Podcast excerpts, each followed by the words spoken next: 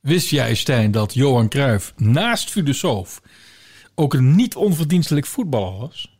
Waar slaat dat nou op? Ja, precies. Ik zeg dit omdat de gemeente Amsterdam onlangs op sociale media het volgende schreef. Bij Pierre Kuipers denk je natuurlijk aan het Rijksmuseum en het Centraal Station. Maar wist je dat hij ook kerken heeft ontworpen?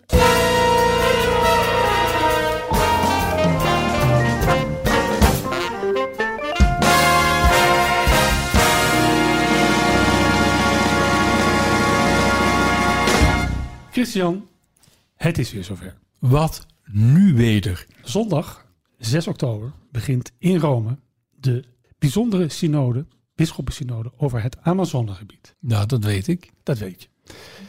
En er is natuurlijk wel iets, eigenlijk iets vreemds aan de hand met die synode. En dat zie je ook wel bij andere synodes in het verleden. Hè. Er Het thema wordt breed ingezet. Ik, ik doe even een voorzet. Huwelijk en gezin. En vervolgens gaat het drie weken lang over de vraag of hertrouwd gescheidenen de communie mogen ontvangen.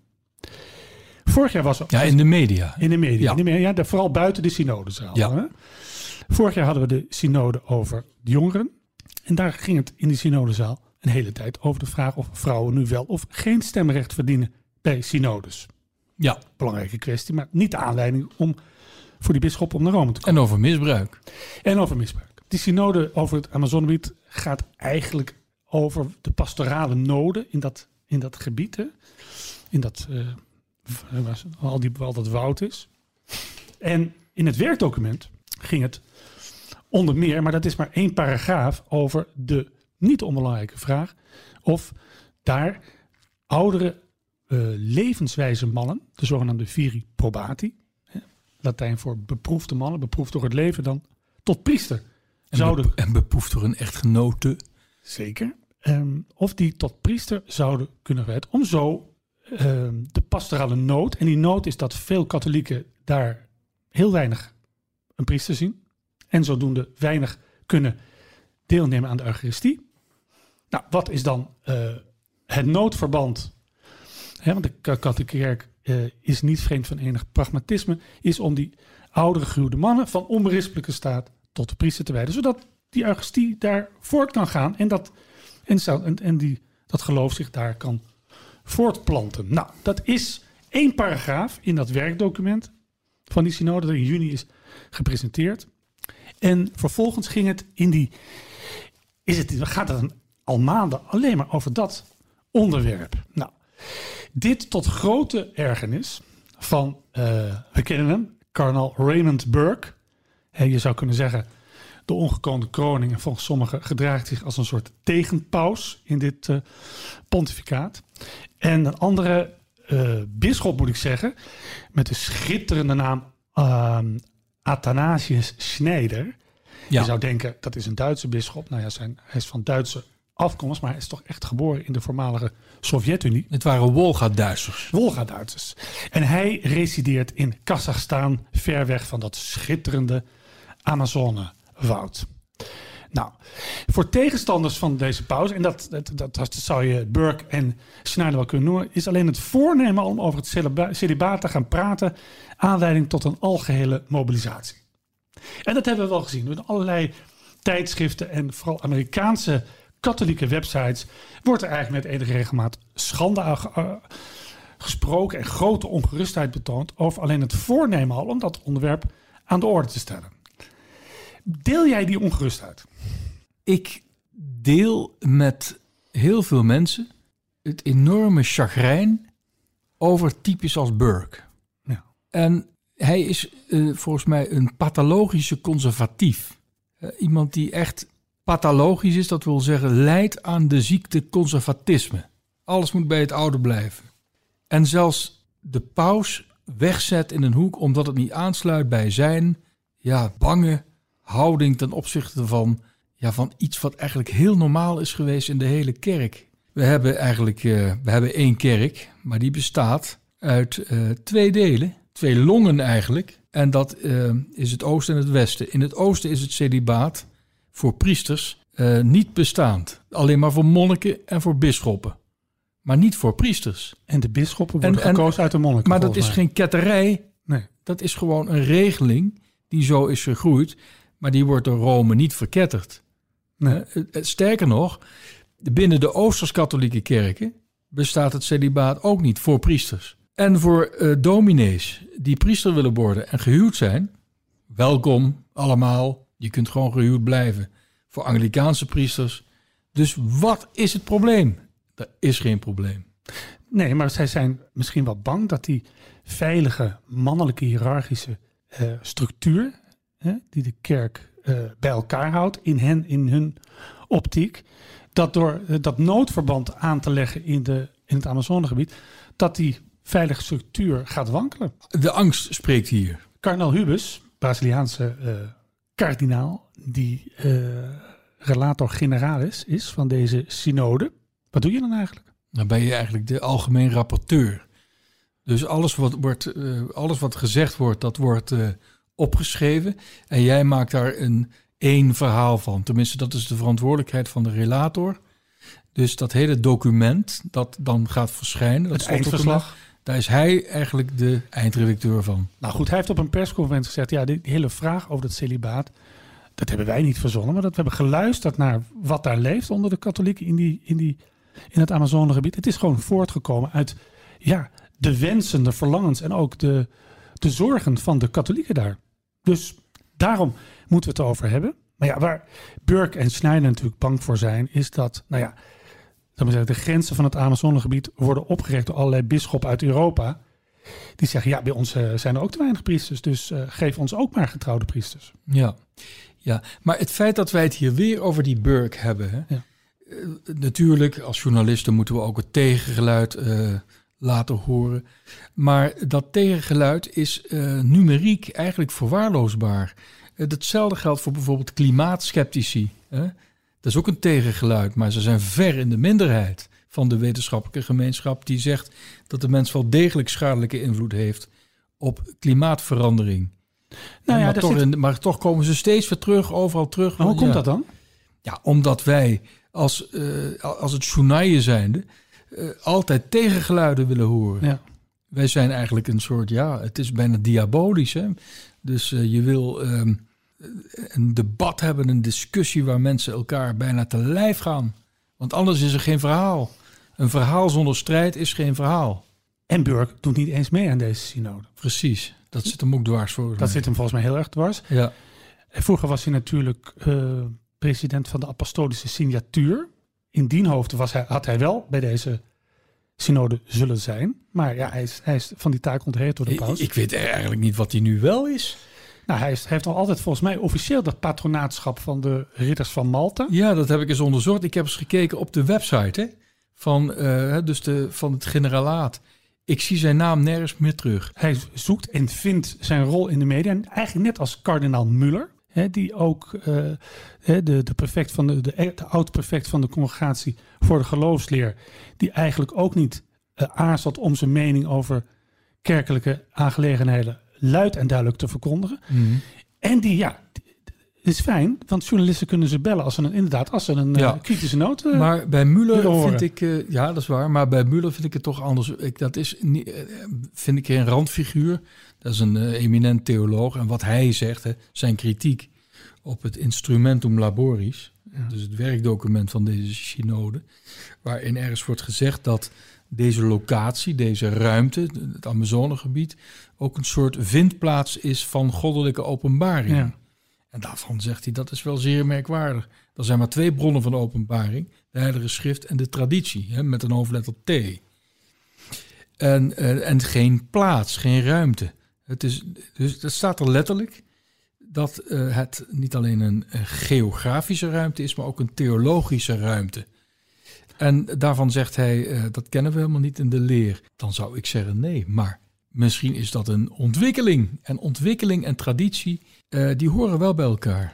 Nou, je, zou, je zou bijna kunnen zeggen dat hè, er is los van de katholieke kerk heel veel aandacht voor het Amazonegebied.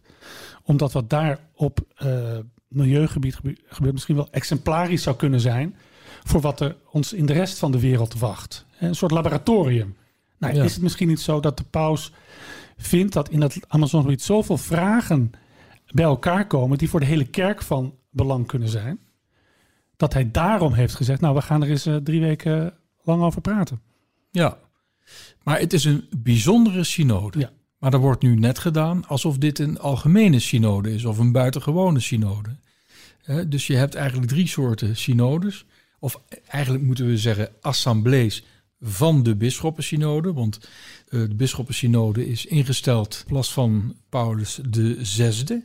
Daarmee gaf hij gehoor aan, eh, aan de concilievaders in de jaren 60. Permanent orgaan met een eigen secretaris-generaal. En die kunnen op drie manieren bij elkaar komen. Op een algemene wijze, buitengewone wijze en een bijzondere wijze. En dan is een deel van de kerk eh, in het geding, zou je kunnen zeggen. Nou, in 1980 hebben we natuurlijk die bijzondere synode van de Nederlandse kerk. Voor de polarisatie in Ja, Nederland. nou, dat heeft eh, geloof ik niet zoveel geholpen. Maar eh, ik hoop dat het Amazonegebied wel zal profiteren van Ja. deze weken van aandacht. Ik hoop dat, eh, dat al die synodevaders eh, dat die eh, op tijd in Rome zullen arriveren. Want ze zijn geïnspireerd geraakt door het meisje uit Zweden. Ja. Greta, hoe heet ze ook alweer? Thunberg. Ja, en ze hebben dus besloten om niet het vliegtuig te pakken, maar met de zeilboot om het milieu te sparen. Het gaat hier over Ja, het, hol, eh, meer dan 100 bisschoppen die wo- worden weer overgevlogen. Maar voordat je eens vanuit het Amazonegebied op zo'n vliegveld bent, Daar ben je al hoeveel stikstof en, en, en koolzuur en, en dan hebben we het toch niet eens over het methaangas. Maar ik, begrijp, ik heb nu begrepen dat er een modehuis is, een kerkelijk modehuis in Rome. Dat komt met een CO2-neutrale mijter. En wierook, is dat wel eens uitgezocht? Wierook, is dat niet heel erg vervuilend? Nou, het is heel veel. eh, Het is niet eens fijnstof, het is grofstof.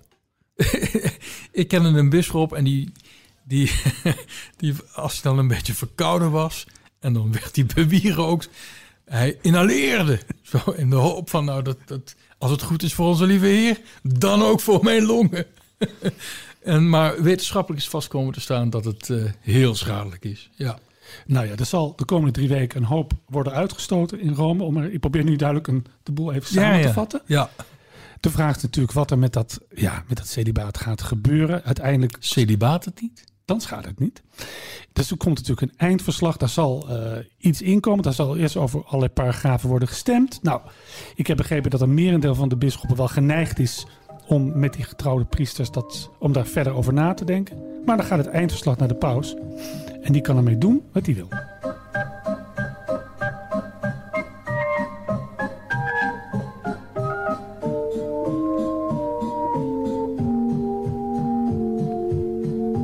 Daar was weer zo'n themazondag. We komen een beetje om in de themazondagen. Nou ja, het is elke dag wel wat, hè? Nou is het weer de derde zondag van door het jaar. De, de, de zondag van, eh, van het woord van God. Nou ja, je hebt van alles. Je hebt de week van. Het dat heeft de paus ingesteld. Ja, ja.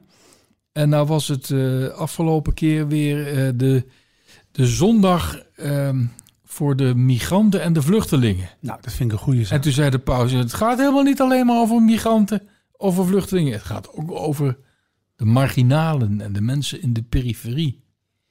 Oké, noem het dan wat anders zou ik zeggen, maar goed. Ehm, grote mis op het Sint-Pietersplein, concelebratie. Heel veel Ghanese, waren er ook heel veel migranten, vluchtelingen, allemaal op dat Sint-Pietersplein. En na afloop ging hij, de paus, ehm, trapje af van het bordes. En naar een, ja, wat, hoe zullen we het noemen? Een kunstwerk. Laten we het maar even houden op een kunstwerk. Een sculptuur. Een sculptuur. Of het nou echt een sculptuur, het is meer een plastiek, omdat het gekleid is. En het is ook van brons, maar het is niet echt gehakt. Ik vind het gebruik van het woord gekleid duiden op een zekere vraag bij dit kunstwerk. Ja, nee, maar het, het, is klei. Want ik heb de video's bekeken Ja. van deze kunstenaar. De Canadese katholieke kunstenaar Timothy Schmaltz. Schmaltz. Smolts. Geboren in jouw favoriete jaar 1969. Dus een vijftiger, hè? En eh, we kennen hem eigenlijk van The Homeless Jesus. Ja, dat vind ik prachtig. Ja, hè, wij, wij eh, hebben allebei wel eens een keer een rondleiding in Rome. Ja, En dan is het hartstikke leuk om even voorbij de, het, eh, het ziekenhuis van de Heilige Geest te gaan. Hè? Ospedale di Santo Spirito. En in een hoekje zit daar een bedelaar. met zijn handje zo. Die moet Jezus voorstellen en dat heet eh, Toen ik honger en dorst had. Ja, Matthäus 25. Juist. En een ander beeld, dat is, eh, daar ligt er een, een, man in, een soort kleed op een bank eh, ziek te zijn. En dat heet Toen ik ziek was. En, eh, En volgens mij heb ik, heb ik dat thuis in miniatuur staan. ja, Ik heb ooit een, eh, een inleiding mogen verzorgen bij Sant'Egidio in Antwerpen. En toen kreeg ik als cadeau... oh ja, ja. Dat is nog heel zwaar trouwens. Ja, ja, ja, ja. Maar ook van, van gekleid en van, van brons. Ja, maar dat gekleid, dat, kijk, kleien doe je op de kleuterschool. ja, wat is het nou? Kleien. Zegt die Michelangelo, hè? Ja. Die heeft die Pietà ook gekleid, hè? Weet Nee, nee, nee, nee. Of is het nee, nee? Dat is, die heeft, Ja, die heeft die heeft de Pietà bevrijd Ja, uit het marmer. Ja, bevrijd, dat is mooi gezegd. Ja, bevrijd dat, uit dat zei marmer. hij zelf. Ja, maar... die- Nou. Nou, laat ik het niet meer over hebben. In ieder geval, Je het- hebt een duidelijke minachting voor dit kunstwerk. nee, nee, nee. Ik vind die, die, die, die Jezus op de bank fantastisch. Waarom ook? Omdat het in dat, in dat conservatieve Amerika geleid heeft tot een controverse. En dat vind ik alleen maar goed. Ja. Hè, sommige van die pathologisch conservatieve mensen waren zwaar gechoqueerd dat er een dakloze Jezus lag. En hoe kun je nou toch Jezus, en hoe wisten ze dat het Jezus was? Omdat hij nog de spijkergaten in zijn voeten had. Hè? Eh, hoe kun je nou Jezus, de grote, machtige Heer, afbeelden als een, als een dakloze, als een hobo? Hè? Nou ja, Matthäus 25. Ja, dus de nu- incarnatie, hij vereenzelvigt zich met de leidende medemens. Maar dat die eh, Jezus op die bank, hè, die liggend op die bank, is bescheiden vergeleken met wat er sinds vorige zondag op het Sint-Pietersplein in Rome staat. Ja. Ja, maar ik mag toch hopen dat ze dat daar een keer weghalen. ik heb begrepen dat het in ieder geval een week blijft staan. Dus dan Oh. zou betekenen tot eh, zondag 6 oktober. Ja? Maar misschien nog langer. Hmm, het staat er gruwelijk in de weg. Maar in ieder geval, wat stelt het voor? Nou, het zijn 140 eh, vluchtelingen uit verschillende culturen en verschillende tijdsgevrichten. Dus we zien bijvoorbeeld een Syriër. Eh, we zien een eh, Syrische vluchteling dus. We zien een Jood die, die in nazi eh, Duitsland op de vlucht is. Of va- vanuit nazi Duitsland op de vlucht is. En we zien een Pool die op de vlucht is voor het communisme. Dus het is uit verschillende... Het zijn er 140. 140 mensen zijn erop afgebeeld. Waarom 140? Omdat de, de beelden die de, die de kolonnades van het Sint-Pietersplein... eh, ja, die prachtige twee armen hè, van Bernini. Daar staan 140 beelden om. Dus het is ook nog een soort symmetrie tussen, Oh, dat wist ik ja, niet. tussen oh, dat nieuwe mooi. kunstwerk, Ja, hè, dat geklei van jou, en die kolonnade. ja. Oh, dat vind ik wel een mooie parallel. En het heet, dat moet altijd wel even zeggen, het heet dus Angels Unawares. En dat eh, verwijst naar de brief aan de Hebreeën. En vergeet de gastvrijheid niet. Door haar hebben sommigen, zonder het te weten, engelen onthaald, schreef Paulus. Dat weten we niet, hè? Of Paulus dat geschreven Nou ja, het heeft. staat op zijn naam. Ja, maar eh, de ik geleerden nou- zijn het er al eh, bijna allemaal over eens dat het, een, eh, dat het niet van Paulus is. Fake nieuws. Ja, ja nou. Maar ehm, eh, de schrijver, de auteur van de Hebreeënbrief, haalt hier eigenlijk een passage aan uit een boek dat de protestanten niet als kanoniek erkennen. Waarom niet? Tobiet. Tobiet, ja. ja. Luther Ja. vond dat niet. En daar staat in hoofdstuk 5 dat, eh dat gaat dan over Tobias. Eh, Tobias ging iemand zoeken en hij vond Raphaël. Dit was een engel, maar Tobias wist dat niet. Eh, daar slaat die tekst uit de Hebreeënbrief op. Vind ik wel heel mooi, want ja, dus iedere vluchteling oh, die op zo'n bootje zit, kan zomaar een engel zijn. Ja, nou dat is, en dat is natuurlijk helemaal in de lijn van, van eh, Paus Franciscus, hè, die zich ja, als geen ander inzet voor migranten en vluchtelingen.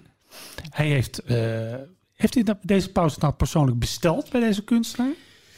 Ik eh, weet niet of de paus dat heeft gedaan, maar weet je wie? Ik weet wel wie daar heel erg bij betrokken is geraakt. En dat is Michael Czerny. De nieuwe kardinaal. Ja, dus die is de avond van de 4e oktober nog even tot bisschop gewijd. En die wordt daags daarna, is, is daags daarna eh, tot kardinaal verheven. Dus die is heel kort. Jezuïet, hè? Ja, die is dus, eh, En die werkt voor eh, de sectie migranten en vluchtelingen. En- van het dicasterium van, met die hele lange naam. Ja, die wil je niet gaan herhalen. De integrale ontwikkeling. integrale van de- ontwikkeling van de Ja, mens. ja, ja. En, oh, en, die hebben dus wel dat, dat die afdeling van dat dicasterie, om het maar even te heeft dat stand, heeft dat heeft die sculptuur besteld. Dat denk ik wel, ja. ja, ja. Maar eh, ehm, ja, ik vind het... Ik, vind heel veel van hem wel mooi, hoor. Ja, maar jij vindt het niet zo mooi, hè? Ik vind het kitsch. En dat vind ik heel, heel erg om te zeggen. Want eh, ik, ik vind het een, eh, een interessante man ook, die, eh die Schmalz. Ehm, en hij zegt ook bijvoorbeeld... je kunt alleen maar een, een echt goed, mooi kunstwerk maken... als je een goed onderwerp hebt. Nou, en de, en, de, en de schrift is een onuitputtelijke bron voor goede onderwerpen. Dat spreekt mij natuurlijk aan. Maar het mag toch niet op één lijn worden gezet... met eh, de grote barokkunstenaars zoals een Bernini... eh Borromini, noem ze allemaal op. Nee, Maar- het is, ik vind het een beetje... Maar die twee armen van het Sint-Pietersplein, hè, die, die, die is eigenlijk de, armen van de kerk, is nou gezegd. Iedereen, hè, Ja. dat, dat plein, he, dat plein ja, om, omarmt je als het ware. Het toont gastvrijheid. En misschien is het juist wel mooi om daar ju- juist op dat plein, ik hoop niet voor eeuwig, maar toch voor een enige tijd, die groep vluchtelingen daar neer te zetten. Jawel, dus als concept is het natuurlijk fantastisch. Ja. Daar, kan niemand op tegen zijn. Maar puur op de... Ja, eh, als je aan mij vraagt, wat eh, vind je het een geslaagd kunstwerk? Als concept zeker. Maar in de uitvoering daarvan vind ik het wat... Ja, wat, wat, ja een beetje kitscherig. Maar goed, wie ben ik? Eh, ehm, ik had het wat expressiever, wat impressionistischer gebracht. Ja, nou ja, kijk, wij zijn, wij zijn zelf niet in staat geweest om in Rome eh, zelf het, het, de sculptuur, ik wil het heel de tijd standbeeld zeggen, maar de sculptuur. Het is geen sculptuur. Ja, en, nee, dat weet ik. Maar wat is het dan? Het is een plastiek. Ja, maar is het, het is niet van pl- plastiek heet dat. Nee, ja, dat heet een plastiek. Ja. Oké. Ja, Nou, van brons. van brons. Nou, het is, dus wij zijn, ik, ik ga het gewoon nog een keer zeggen, wij zijn zelf niet in staat geweest om dat plastiek van brons eh, in aanschouw te nemen. Want we, ja, dat hebben we niet. Maar misschien dat als je eromheen loopt en dat, of als je dat plein oploopt en je ziet die groep mensen daar staan, die 140 vluchtelingen uit alle tijden en uit alle windstreken, dat het juist hartstikke mooi is. Ja, maar dat is al voor ons gedaan. Op, op YouTube vind je, vind je tal van filmpjes van, van mensen die dat al gedaan hebben. Ja. En daar zijn heel veel mooie foto's van gemaakt. Dus ik ga er natuurlijk niet over zeggen als ik het eh, niet van alle hoeken heb bekeken, virtueel. Ja, maar die, die eh, pathologische conservatieven waar jij het over hebt, die hebben hier ook alweer eh, vast alweer schande van gesproken. Oh ja, ja, ja, ja. Hè, dat kan niet. En dat, eh, dat is wel een interessante vraag natuurlijk. Of je iets wat 400 jaar onaangetast is gebleven, of je daar nou van af moet blijven. Of juist dat ook kunst iets levens moet zijn, dat, dat je dat meegaat met de tijd. En dat plein is, dit, dit is voor het eerst in 400 jaar dat er iets aan het plein Ja, werkelijk veranderd Ja, is. maar het woord plein zegt het al. Hè? Het is, een plein is een open, open plek. Ik vind eh, het enige wat daar mag staan in het midden- is die obelisk. Maar ik vind die kerststal al vreselijk. En, en, en, die, en die kerstboom. Goed, dat is dus allemaal voor. eh, voor eh, Nou ja, ik vind het wel interessant. We waren samen niet zo lang geleden in de kerk van Santa Maria del Anima, waar de Utrechtse paus Adrianus begraven ligt. Dat is ook dat is een, dat is een prachtige kerk, prachtig uitgelicht, mooi gerestaureerd. En boven de, de, de, de hoofdingang is nu ook iets moderns toegevoegd aan die barok ja, kunst die die kerk zo mooi eh, heeft gemaakt. ja, ja, dat is waar. Maar kijk, ik wilde net zeggen: een, een, een plein, een open plek. Als je daar iets, iets groots gaat neerzetten. wat niet kan worden verplaatst. ja, dan vind ik dat in de weg staan. Ja. Dan, dan maak je het plein kleiner. Plein verfraaien, daar is niets op tegen. Maar volgens mij is dit ook niet zo bedoeld om te- ter verfraaiing, maar als een moreel appel. Ja, als een, als een pamflet. Ja, Het is bijna een pamflet. ja, Een pamflet in brons. gekleid. En daarna volgens mij een bronslaagje overheen gegoten. Maar goed. En ze staan op een boot. Het is te hopen dat, eh, dat die mensen geen golven treffen, want dan gaat iedereen een kopje om. Dus ja, ik vind ook de hele bootsymboliek, die is er. Maar ik vind dat toch te statisch uitgewerkt. Ja, ik vind dat je te somber bent en te, te kritisch. Ik weet, niet, wat- weet, ik weet niet wat er vandaag met jou aan de hand is. Maar ik vind het... Ja, een- ik, ik mag toch wel zeggen of, of, of ik het mooi vind of niet. Ik vind het niet Ja. mooi. Nee. Ja. Maar ik vind het, het concept, daar sta ik helemaal achter. Nou. En zo kleien wij voort.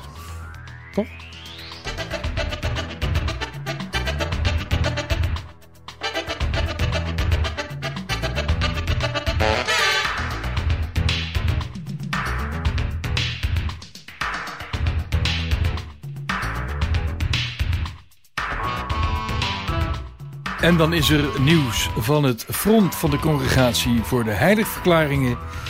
Onlangs heeft Paus Franciscus een wonder op voorspraak van diverse gelovigen erkend. En een van hen is eigenlijk de ongekroonde koning van Polen, Stefan Wyszynski.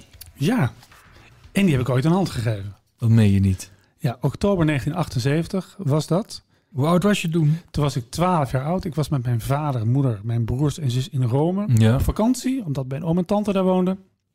En toevallig viel die vakantie in eh, de tijd de sede vakant. En sterker nog, er moest een nieuwe paus worden gekozen en wij waren daarbij. Maar welke, welk conclaaf was dat? Dat was het conclaaf dat volgde op de dood van Johannes Paulus I. Oké. Oh, En waarin Johannes Paulus II, een hè, tot paus werd gekozen. En op 14 oktober 1978 was er de mis eh, Pro Eligendo. Pontificie. En na die, mid- die heb- daar zijn wij bij geweest. Ik zie nog al die kardinalen zo door het middenschip van de Sint-Pieter naar voren lopen. En na afloop mochten ze nog even naar buiten. En daar stonden wij. En ik vond dat het hele spektakel. Ja, Hè, is hon- geweldig. 115 oude mannen sluiten zich op in een kapel en mogen er pas uit als ze een pauze hebben gekozen. Ik vond dat fascinerend.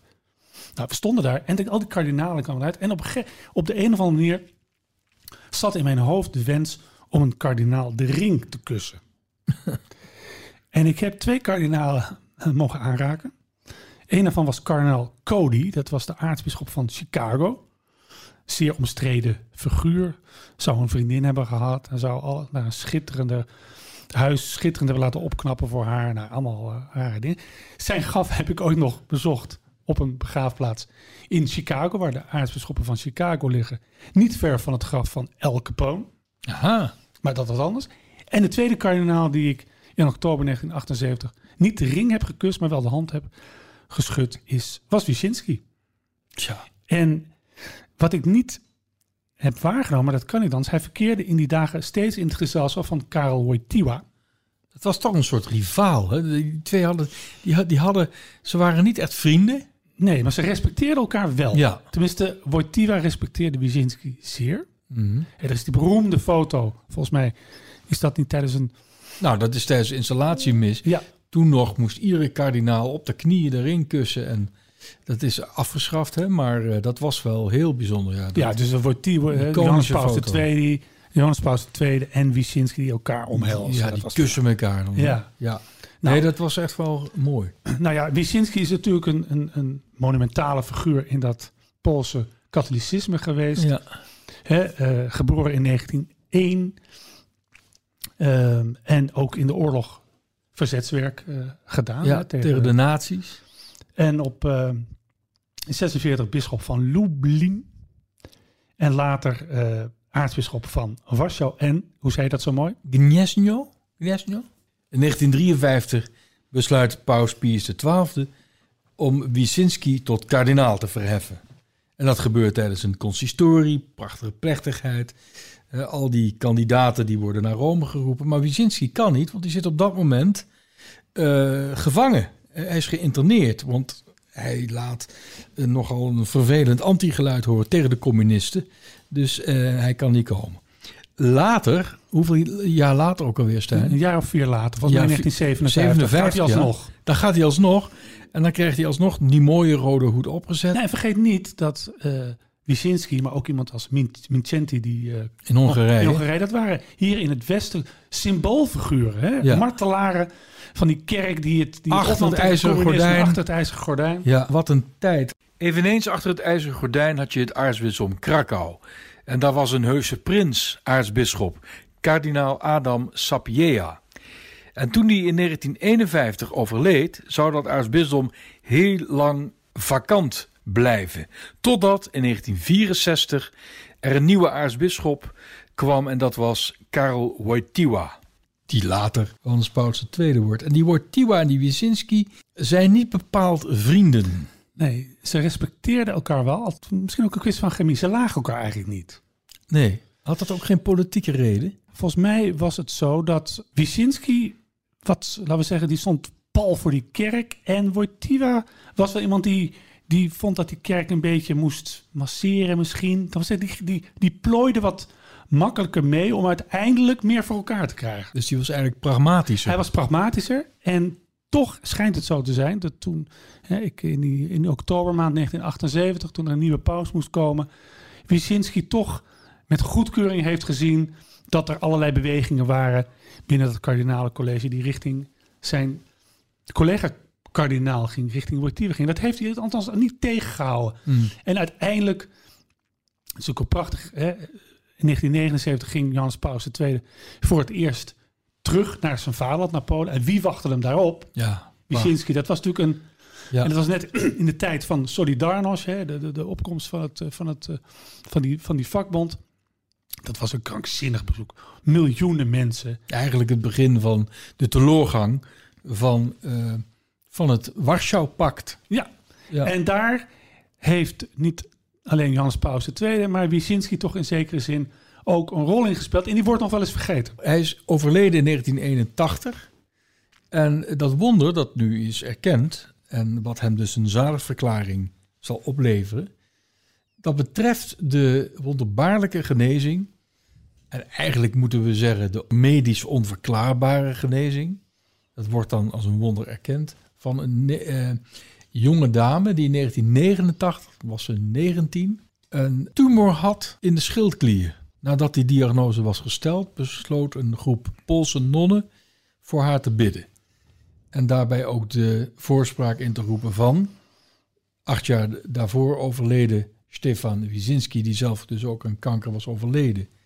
En wat denk je? Ze geneest. Ze trof het doel en ze geneest.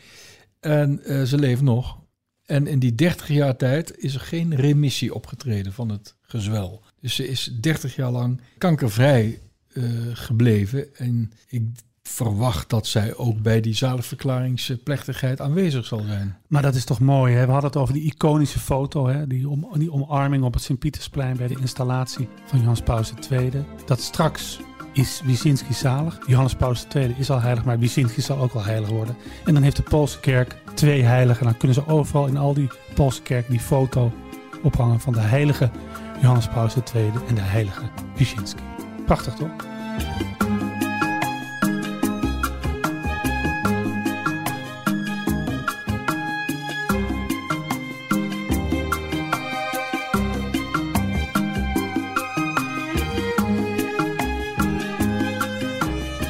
Dit was het weer, luisteraars. Bedankt voor het luisteren en tot een volgende keer. Ja, als ik dan nog even wat mag zeggen, want eh, we krijgen veel reacties op deze podcast. En, maar er zijn ook nog heel veel mensen die niet weten dat deze podcast bestaat. Dus heeft u een buurman of een buurvrouw of een ver familielid die een beetje met zijn tijd in de knoop zit, die zegt wat moet ik nou vandaag weer doen, wijs hem op onze podcast. Want eh, ja, ik kan wel zeggen, het vuurt je leven op. Vind je dat? Ja. Ja, vind ik wel. Ja. En eh, En u hoeft ons ook niet geldelijk te steunen. Nee, wij doen Het dit allemaal helemaal gratis. gratis. Wij doen, het Ja. allemaal, wij doen dit allemaal voor niks. Eh, u kunt gewoon, hè, wat, u, wat u nu doet, ik, ik, ik praat nu in uw oren. Dat gaat via die app, via de telefoon. U kunt ook op de computer. Maar ja, maak het leven van de ander nou eens rijker. Bekommer je nou eens om je naaste of je buur. En wijs hem op deze podcast. Die dat leven van die mensen toch weer dat extra glans, dat extra penseelstreepje hoop kan geven. Nou, nogmaals, tot een volgende keer.